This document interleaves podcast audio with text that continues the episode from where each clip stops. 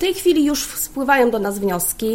Zbierze się komisja, która będzie je skrupulatnie rozpatrywała i dzieciaki właśnie będą mogły otrzymać e, takie stypendium, które wypłacane jest e, każdego miesiąca przez cały czas trwania nauki w szkole. Wszystkie dzieci, które w zeszłym roku były objęte programem skrzydła, a ich sytuacja się nie poprawiła, również mogą składać takie wnioski. No właściwie to nie dzieci, tylko ich rodzice lub opiekunowie. Ważne jest to, aby parafialne zespoły Caritas, opiekunowie szkolnych kół Caritas dobrze przyjrzeli się dzieciom, którym to stypendium jest potrzebne i aby złożyli taki wniosek.